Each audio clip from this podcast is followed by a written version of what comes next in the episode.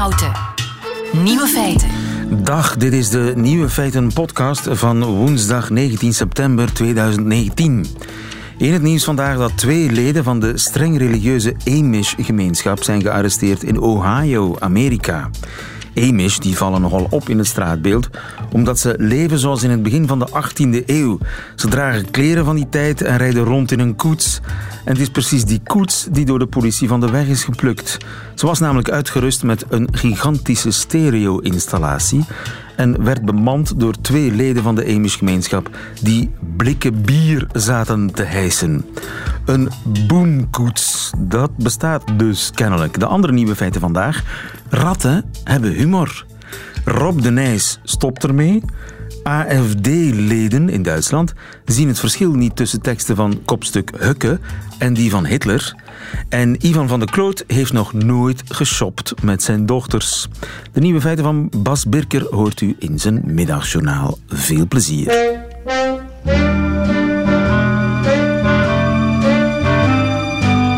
Radio, Radio 1. Nieuwe feiten. Ik was 16 en zij was, allemaal samen? 28, inderdaad, generaties kunnen, alle generaties kunnen dat getal invullen. Maar uh, Rob de Nijs is inmiddels geen 16 meer, uh, maar 76. En te ziek om door te gaan. Hij heeft Parkinson en na zijn huidige tournee, die wel nog afwerkt, is het gedaan met zingen en met optreden. Ik was 16 en jij was 28. We houden stevig de gordijnen Zet een kaars voor je raam vannacht en ik kom naar je toe. Ik wil je, wil je, ik wil je zo graag. Male babbe, kom hier, lekker stuk, male meid, lekker dier van plezier. Lieve vriendin en een beetje weer. Ik zat onder jou en onder het bier. Die lekkere dame had geen plezier.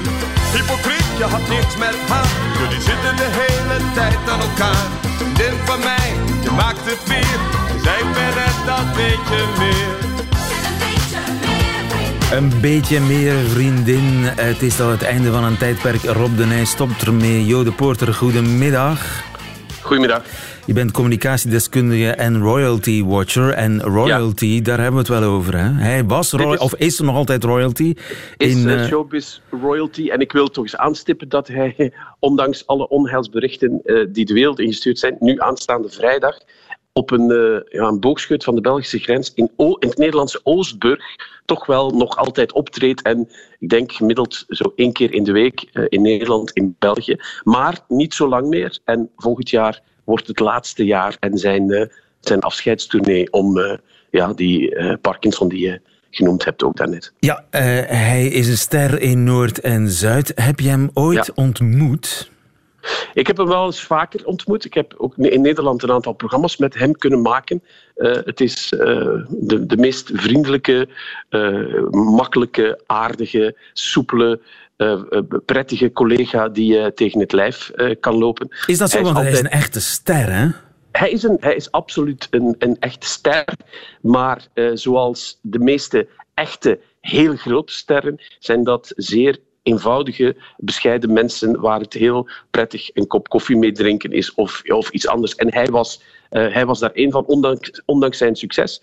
Um, is hij toch zeer bescheiden geweest in de omgang. Was hij ook heel goed en heel geliefd bij de grote scharen van uh, uh, fans, meestal vrouwen, die hem op handen droegen. En die dan in de beginjaren van zijn carrière was het zelfs zo dat er dan fans waren van zij, hem en dan van andere zangers. En die dan op bepaalde plaatsen afspraken om met elkaar op de vuist te gaan om hun idool te verdedigen. Zo geliefd uh, is hij geweest op een bepaald moment. Ik herinner mij op bezoek op de VRT. Het is wel uh, een tijdje geleden, ik denk een jaar of 20, ja. 25. Hij in een hagelwitte bontjas, enkel lang en een blauwe zonnebril. Hij moet dan toch echt een eind in de 50 al geweest zijn. En iedereen vond dat normaal en iedereen dacht, het staat hem wel. Ja, en, en zelfs zijn gezegende leeftijd van 76 jaar houdt hem vandaag niet tegen om rubberen dingetjes of leren setjes of wat dan ook, wat je met andere omstandigheden en andere leeftijden zou associëren om dat te dragen. Maar hij, hij, heeft een van zijn grote liefdes. Zijn eerste liefde is de, is de muziek. Het is een groot uh, artiest. Zijn tweede uh, liefde is de mode. En ik denk dat hij een groot deel van de vele centen die hij bij elkaar gezongen heeft, dat zegt hij ook regelmatig in interviews, uitgegeven heeft aan, uh, aan mode en aan, aan vrij extreme mode, aan podiumkleding ja, ja. en aan ja, zeer, zeer hippe dingen waar ja, jij en ik misschien niet zouden aan denken om mee naar buiten te komen. Maar nee, hij, was, hij vond dat geen probleem. Integendeel, dat heeft een groot deel van zijn uh, imago uitgemaakt. Ja, ja, hij hield van uh, leuke, dure kleren. Ja. Uh, nochtans uh, was er over zijn geaardheid geen enkele twijfel. Hè? Hij was een echte, ja, Wel, weliswaar elegante, maar hij was een echte macho. Hè? En zeker. En, of en is, zo, we moeten ophouden met in de verleden ja, ja. tijd over hem te spreken. In de hele tijd. Ja. Hij heeft een, een, een reeks uh, echtgenotes uh, achter de rug. Hij heeft ook een aantal kinderen verwekt en zo. Dus alle mogelijke bewijzen die van heteroseksualiteit, alle, alle streep, hij heeft alle, alle diploma's, hij heeft alle diploma's behaald. Ik denk niet dat daar ooit... Dokter in de heteroseksualiteit. Zijn liedjes gingen ook wel heel erg vaak over seks. Hè. We hebben er net een soort ja, potpourri laten horen. Ik wil je, wil je. Ja. Uh, zij was 28, ik 16, ontmaagding. Ik bedoel, het, mm. hij, hij schuwde de expliciete seksuele verwijzingen niet, hè? Nee, en dat heeft te maken met het onderwerp wat we daarnet bespraken, denk ik. Het is een man die heel goed de, de mode voelt, maar ook de tijd voelt. En voelt wat mensen op een bepaald moment willen. Hij is begonnen in de jaren 60, heeft de hele jaren 70. En dat was de tijd van seksuele bevrijding en van ontvoogding. Hij heeft heel veel, wat je zei, de eerste vraag waarmee hij begon, 1628, ging over een, een jongen en een meisje. Maar heeft heel veel dingen. Hij heeft ooit ook met Robert Long een duet, een liefdeslied tussen twee mannen gezongen. Dat was iets waar hij ja, hij, kon het hebben. Hij, hij, kon het hebben. Hij voelde, hij voelde de tijd en hij heeft die tijd ook uh, heel goed vertolkt in die liedjes. En, dat komt, en zo komt het natuurlijk dat je de tijd doorstaat. Hè, van in de jaren zestig tot vandaag bezig blijven. Je past je aan, je voelt de tijd. Daarin doet hij mij denken aan buitenlandse voorbeelden. Met wie zou je hem vergelijken? Wel, hij, is, hij heeft zichzelf altijd graag vergeleken met Cliff Richard. Hij is begonnen ook als een soort in Nederlandse versie van, je had Cliff Richard en The Shadows in de jaren 60. En dan is uh, Rob de en The Lords uh, gekomen. Dus hij heeft zichzelf altijd met Cliff Richard vergeleken. Wat, wat begrijpelijk is, een lange carrière, veel hits, ballades, mooie, mooie liedjes. Ik denk, als je het hem zou vragen, dat dat zijn antwoord zou zijn. En in Frankrijk, als je een Fransman moet zoeken, dan denk ik toch dat Julien Clerc daar de persoon is met wie hem kan vergelijken. Julien Met wie hij ook niet zo heel lang geleden zelfs een, een album heeft, uh, heeft opgenomen. Ja, schitterende stem, daar valt uh, weinig op af te dingen. Uh, wel veel drama in zijn leven ook, hè? want ja, zijn vrouw, of zijn ex-vrouw moet ik zeggen, schreef zijn liedjes. Ja? Hij schreef niet zelf zijn liedjes.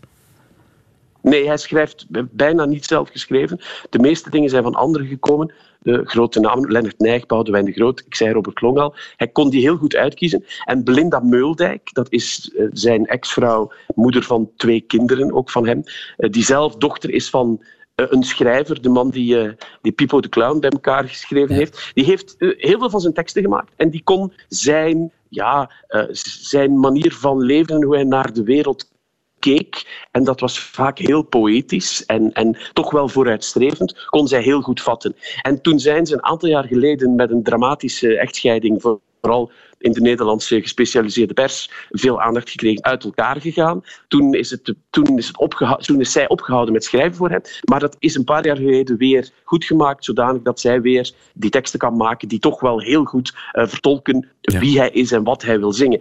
En wat je nog niet hebt uh, aangestipt, is dat het naast een heel goede zanger die foutloos zingt en steeds de, de, de, de goede toon vindt, dat het ook een geweldig entertainer is. Want als je naar een van die optredens gaat, zelfs nu nog, de dingetjes die hij daartussen doet, de verhaaltjes die hij vertelt, de anekdotes, de inleidingen en uitleidingen, dat doet niemand, ik ken niemand in het Nederlandse taalgebied die hem dat nadoet. Daar is hij meesterlijk in, zelfs met die beetje beperkingen die waar hij nu mee worstelt. Ja, en die hem ook hebben doen vallen, hè? want dat valincident een tijdje geleden, dat had natuurlijk alles te maken met die beginnende Parkinson.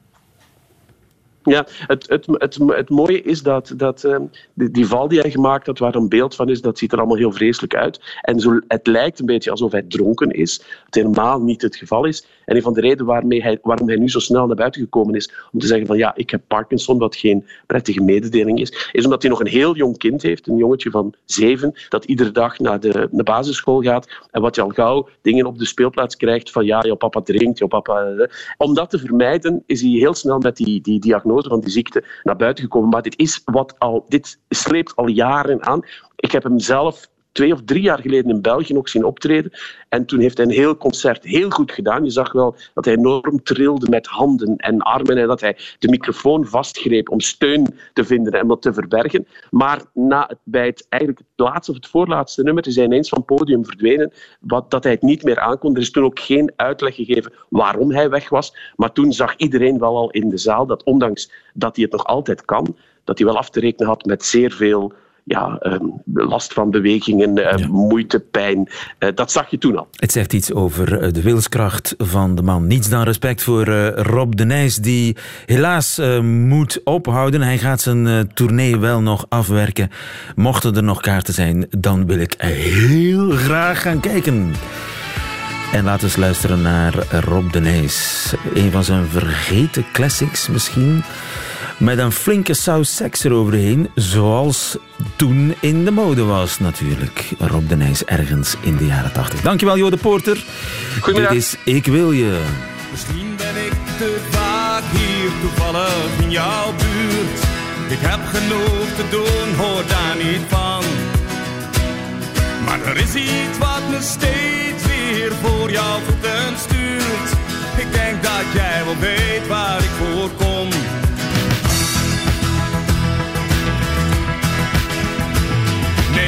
Geef me maar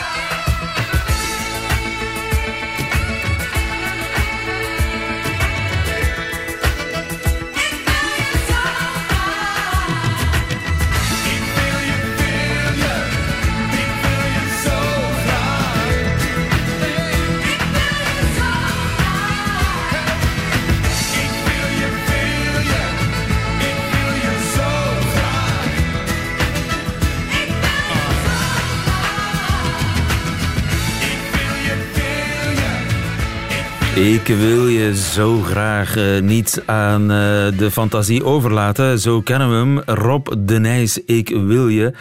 De man die wegens uh, beginnende Parkinson niet langer zal optreden. Hij werkt wel nog zijn tournee af. En een luisteraar die laat ons terecht weten dat hij nog veel explicietere liedjes heeft gemaakt. Als ik je neem zoals je nooit genomen bent. Jeetje. Als ik je neem zo schaamteloos uitbundig ongeremd. Rob toch. Als ik je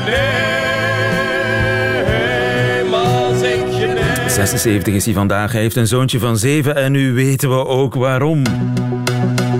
Radio 1. Nieuwe feiten. Er zijn van die mensen die gaan op lama-trektocht naar Peru.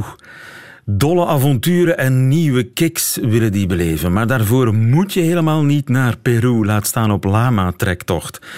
Het bijzondere zit namelijk ook in het banale. En dat beseffen we te weinig. Mia Doornaert bijvoorbeeld ontdekte, dankzij ons, de geneugten van het pannenkoekenbakken. Had ze nog nooit gedaan. Frank Raas vorige week streek voor de allereerste keer een hemd. Een fascinerende ontdekkingstocht. En zo laten we in Nieuwe Feiten elke week op woensdag iemand iets heel gewoons ontdekken. Want het geluk, dat ligt voor uw neus en u ziet het niet. Reporter Koen Filet is aangekomen bij econoom Ivan van de Kloot.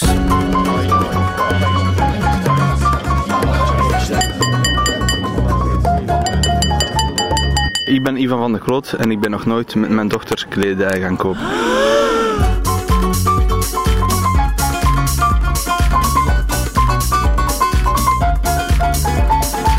Nog nooit? Nee, nog nooit. Uh, met de moeder heb ik dat uh, wel ooit gedaan. Uh, maar dat is heel lang geleden. De reden is dat ik niet graag winkel. de enige wat ik eigenlijk echt koop zelf is boeken. Ja. Heb je nog iets nodig, Lotte? Maar ik kan altijd wel iets gebruiken, zeker. En jij, Merel, um, heb jij nog iets nodig voor de winter? Eigenlijk wel een winterjas. En is het eigenlijk. Ja, maar uh, de winterjas dat is al uh, toch een risicovol iets Ja. om met de papa te kopen. Ja. Want dat, is toch, dat gaat overal al over wat meer geld. Ja. En als dan papa daar de verkeerde keuze in maakt, dan uh, moet de mama daar misschien weer mee terug naar de winkel volgende week. Dus, uh, Oké, maar zullen we naar de winkel gaan? Zullen we vertrekken? Oké.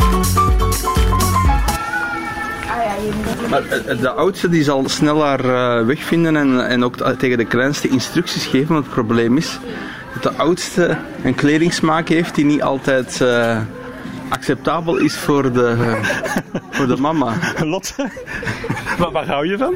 Ja, maar nee, ik, ik, heb, ik doe meestal zo van die specialere dingetjes of zo. Wat zijn speciale dingen? Ja, zo, ik heb een blouse en dan is dat zo met heel veel kant en zo. En dan, Ah, ja, ja. dat vinden we mij niet zo tof. eigenlijk te, te oud. Ze is maar Ja, en dat 13, vind- maar ze ziet er eigenlijk voor sommigen uit als 15, 16. Ja, het is ook- Ja, mensen schatten mij ook altijd ouder en dat vindt mama niet tof. Dus, Ah ja, dus wilt je echt kinderkleren Ja. aanpraten. ja, dat is niet Nee, zo. zij, zij wil zich al kleden op een manier die haar eh, leeftijd niet past. En welke houding gaat Ivan aannemen in deze? Eh, ik had ook eh, te veel bloot moet dat toch niet zijn. Nu, met het hemdje dat ze nu aan heeft, daar is hij al een klein beetje Ja, navel, ja, toch, ik hè? heb er al iets over gezegd daar straks.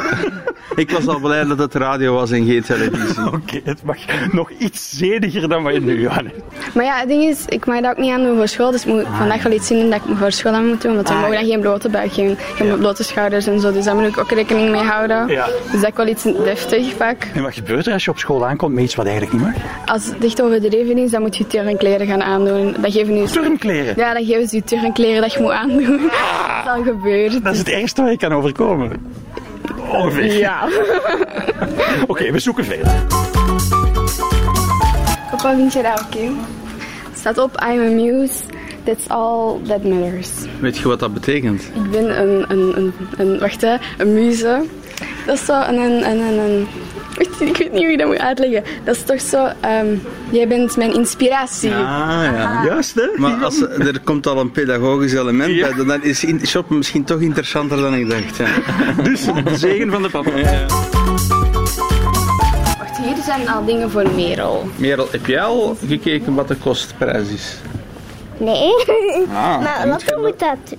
Lotte doet is dat, dat- altijd. Is dat de taak van Lotte? 65. Dat is redelijk goedkoop. Die is wel mooi. Goed. Vind je die mooi? Ja. Echt zo pels rond je oren, hè? Ja. ja. Dat is wat ze waren. Oké, dus. Beslist, Ivan? Daar gaat de mama van verschieten hoor. Als ik ineens met een jas thuis kom, dan denkt hij, amai, dat gaat heel goed. Binnenkort zit ik daar elke maand mee opgezadeld. Wel heel tof. En dat is zo een, ko- Met een merkwaardig kraagje. kraagje. Ja, een tof kraagje met zo... En hier zo. Ivan, vind jij het kraagje mooi? En dan van achter zo. Eh, ik kan dat goed dicht, want eh, Zo. ja, dat is toch niet evident. Maar dat mag voor school, hè? Eh, dat, dat is al Wacht, ook wacht, een vraag. En dan is de vraag of het voor ons mag en Lotte. Oei. En ik denk dat... Maar dat het is ook weer serieus afgeprijsd. Ja, ja, maar ik denk niet dat- dat... Ik, dat er, dat zag er aan, langs de achterkant helemaal niet zo gewacht uit, maar aan de andere kant... Ja, maar misschien is dat wel de achterkant. Die met een open rug. Ja, dat Nu brengt je mij in de war. dat is de achterkant, hè, papa? Aha, dat is dus geen decolleté. Dat is geen decolleté. Dat is Dat is de achterkant. Dus de voorkant is helemaal dicht en op de achterkant Ja. is er zo Ah, ja, ja, ja. 15 Dan is- centimeter. dan Hoeveel is dat? eh, Ja, dat is niks, dat is geen issue. En hè. ruggen, daar kunnen we tegen. hè. Daar kunnen we tegen. 86, 99. En weekend samen. Waar ik mij een beetje zorgen over begin te maken, is dat het te succesvol is geweest. en dat er dan thuis de mama gaat zeggen, ja maar dan mocht ze dat interval ook doen. Hè? Lotte, vond jij het een meevaller? Ehm, ja, ja, soms zo, zo van commentaar van ja, dat moogt je niet. En ik denk dat dat van mama dan wel zou mogen. dus dat is wel een beetje, maar ik vond het wel tof. En wat gaat mama zeggen als jullie met de boodschappen thuiskomen? Eh, dat we geen, niet heel veel meegenomen hebben. Ja, en, We hebben ongeveer bij wat we moesten hebben, dat is toch al goed? ja. Opdracht volbracht. Ivan, dankjewel. Alsjeblieft. Radio 1.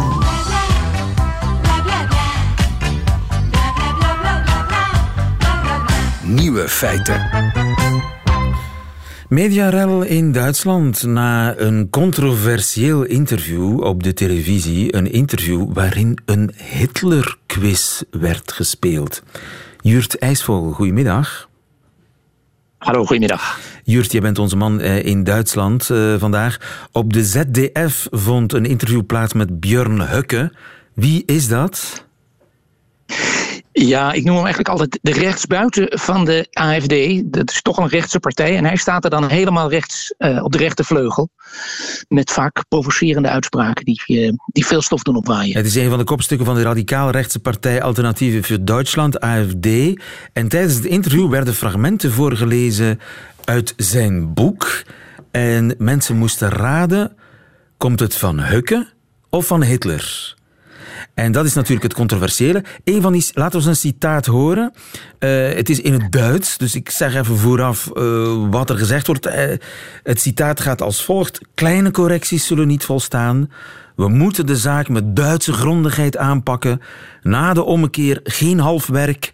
We moeten de puinhopen van de moderne tijd opruimen. Ein paar Korrekturen und Reformchen werden nicht ausreichen, aber die deutsche Unbedingtheit wird der Garant dafür sein, dass wir die Sache gründlich und grundsätzlich anpacken werden. Wenn einmal die Wendezeit gekommen ist, dann machen wir Deutschen keine halben Sachen, dann werden die Schutthalden der Moderne beseitigt. Ja, geen halfwerk. Puinhopen van de moderne tijd moeten opgeruimd worden. Hukke of Hitler, Jurt? Ja, en dan antwoord een partijgenoot notabene. Eh, ja, eh, als ik het zeggen moet, eh, ik zou me niet willen vastleggen, maar als ik me moet vastleggen, dan denk ik toch eerder dat het uit mijn kamp komt. Ja. dat is dus niet het geval. En dat is dus niet het geval. Laten we nog eens een ander citaatje horen. Het verlangen van de Duitsers naar een historische figuur die de wonden weer heelt, de verscheurdheid overwint en de dingen in orde brengt.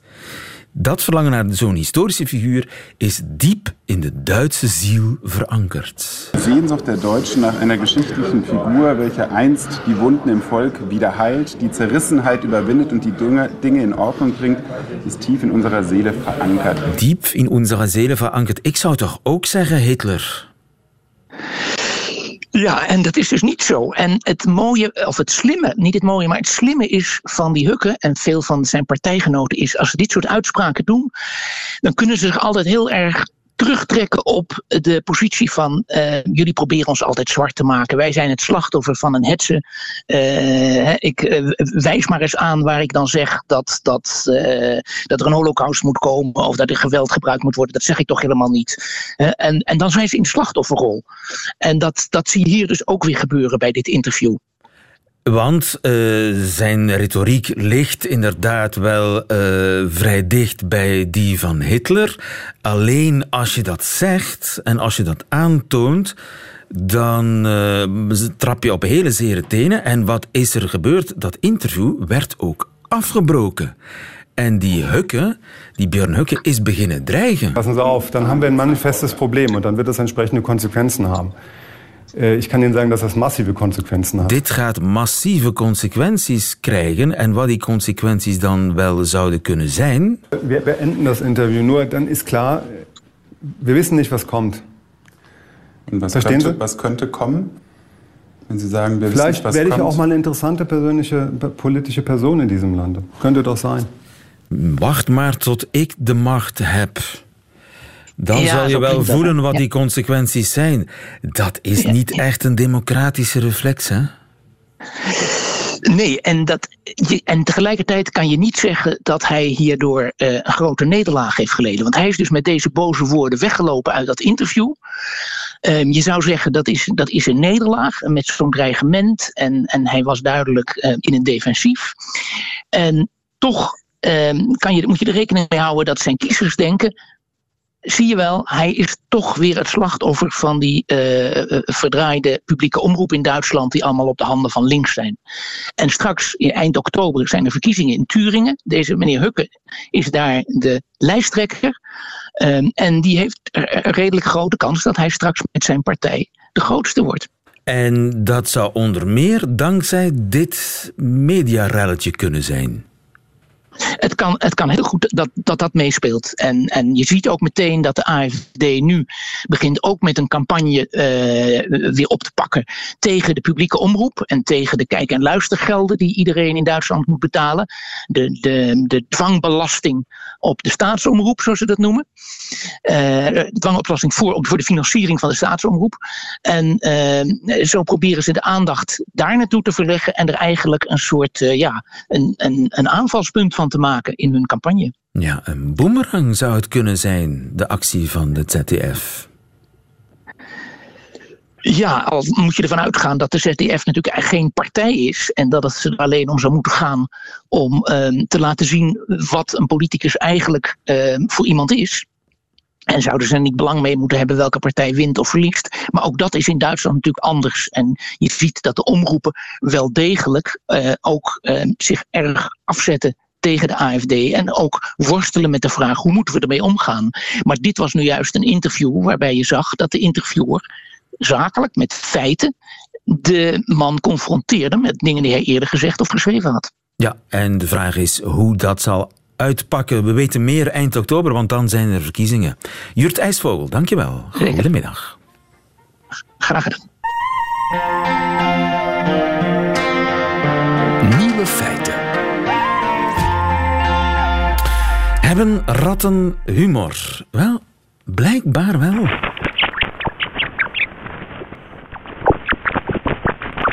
Want wat u nu hoort, dat is een lachende rat.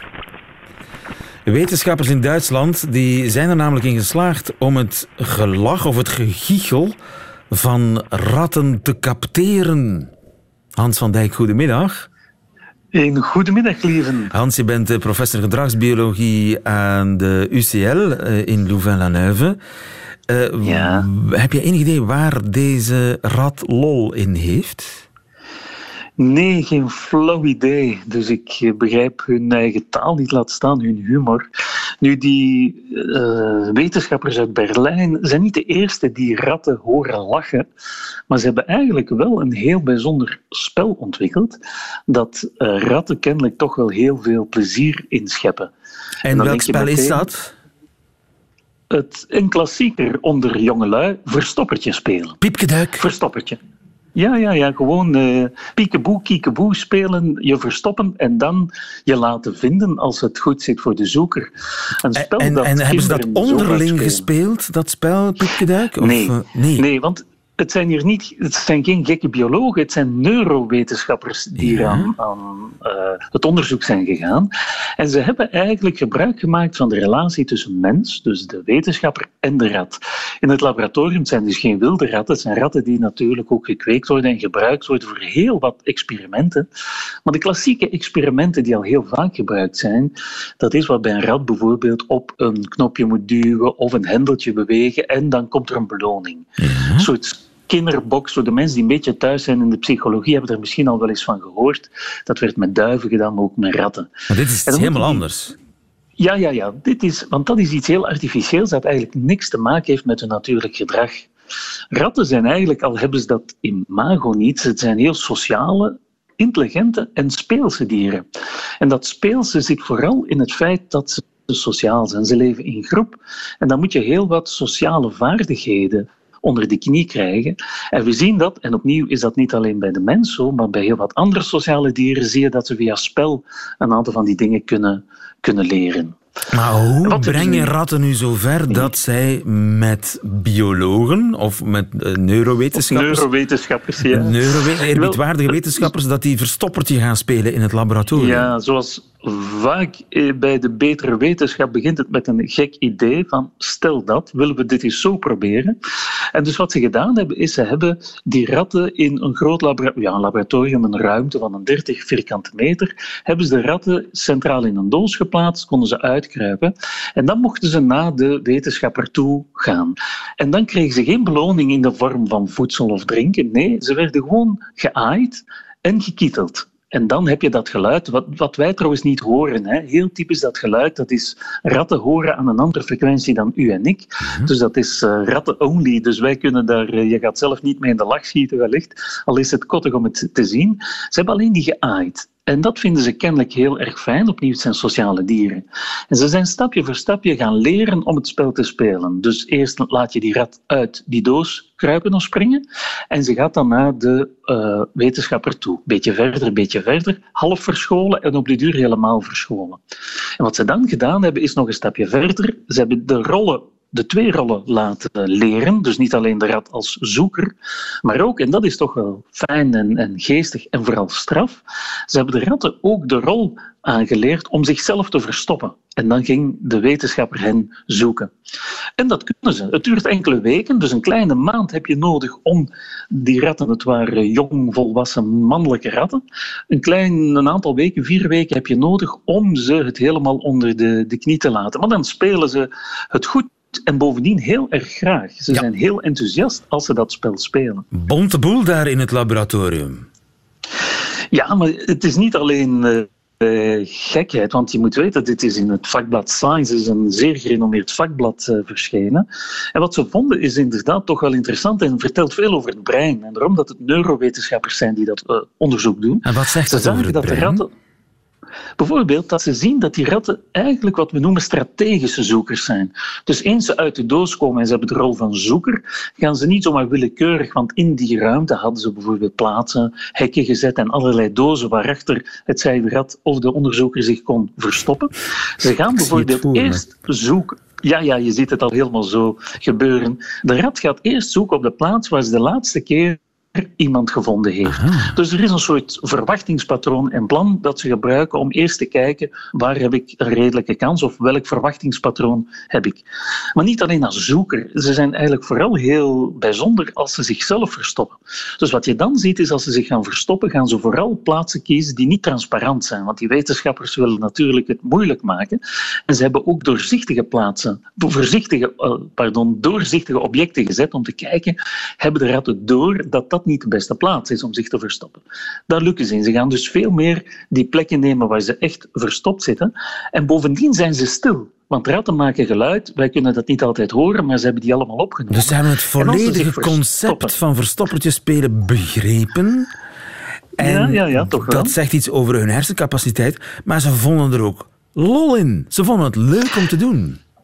Ja, ja dat, er staat er zelfs, en als ik het artikel, want het is nog maar pas uit, hè, jullie zijn altijd goed bij, snel bij de zaak. Eh, als ik het artikel las, viel me ook een zinnetje op waarin de wetenschappers heel expliciet zeggen van ja, kijk, de dieren lijken pret te hebben, wat op zich een vreemde zin is in een wetenschappelijk blad. Dus hadden dat nog wat anders kunnen formuleren, maar het komt er eigenlijk wel op neer. Want wat ze gezien hebben is dat, dat in vergelijking met klassieke gedragsexperimenten zijn ze hier veel meer actief. Ze zijn sterk vocaal, dus ze maken veel geluid dan zij ze verstopt zitten. Dan, dan zijn ze net stil. En ze zien zelfs, bij ratten kan je een soort vreugdesprong observeren. Een vreugdesprong dan nog? komt heel vaak voor. Ja, ja, ja, ja, ratten hebben een heel typisch gedrag. Wanneer ze, en je ziet dat ook wanneer ze sociaal bijvoorbeeld met, in familiegroep interageren, zie je soms dat ze inderdaad een bepaald typisch gedrag hebben. Men omschrijft dat als een vreugdesprongetje. En dat klinkt opnieuw weer alsof het over menselijk gedrag gaat. Maar een aantal van die dingen zijn niet allemaal in de evolutie uitgevonden voor de mens. Maar zie je dat die bij heel andere zoogdieren, zeker sociale dieren als ratten, kunnen voorkomen. En dat is toch wel geweldig nieuws. De rat heeft humor en verstand. De rat is veel slimmer dan wij denken. En ze kan lachen en vreugdesprongetjes maken. Dankjewel in Louvain-la-Neuve voor ons Hans van Dijk. Goedemiddag. Nieuwe feiten. Middagjournaal. Liefste landgenoten. Ik zag laatst een documentaire over croissants. Wist u dat veel bakkers die kant-en-klaar bestellen bij dezelfde fabriek als waar de supermarkt ze koopt? Het verschil is de prijs. De buurtsuper verkoopt er vier voor een euro, de bakker vraagt een euro per stuk. Om de schijn op te houden dat hij ze zelf bakt en omdat we het toch wel betalen. Waarom zou hij minder vragen? De bakker is een bedrijf en probeert zoveel mogelijk winst te maken. Farmareus Novartis is ook een bedrijf. Technisch gezien doet het er niet toe hoeveel een medicijn kost om te ontwikkelen. Als klanten 1,9 miljoen willen betalen voor een levensreddend medicijn, zijn ze gek om het niet te vragen. En, zoals nu blijkt, zijn wij bereid om dat te betalen. Op het leven van een onschuldig klein meisje mag nooit een maximale prijs staan. Als vader begrijp ik dat als geen ander. Bedrijven zijn er niet om voor ons te zorgen.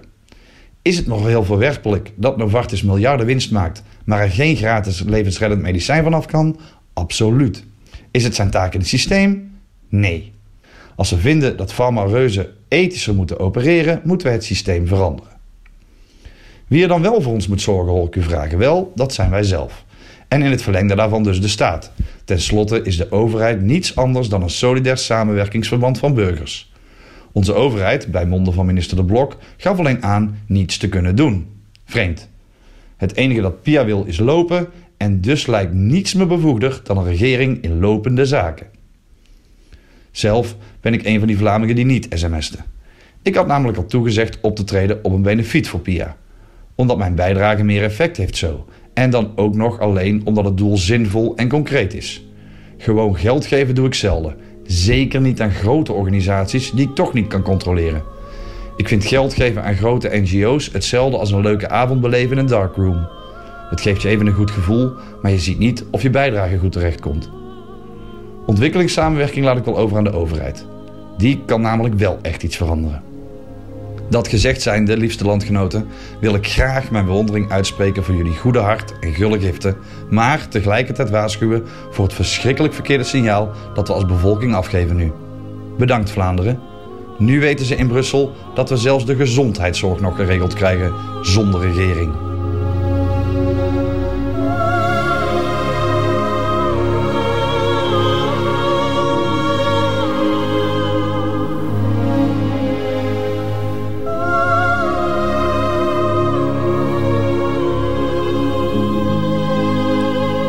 Birker in het middagjournaal. Meteen het einde van deze podcast. Hoort u liever de volledige uitzending, inclusief de muziek? Dan kunt u uiteraard terecht op onze app en ook op onze site, waarop u nog veel meer fijne podcasts vindt. Tot volgende keer.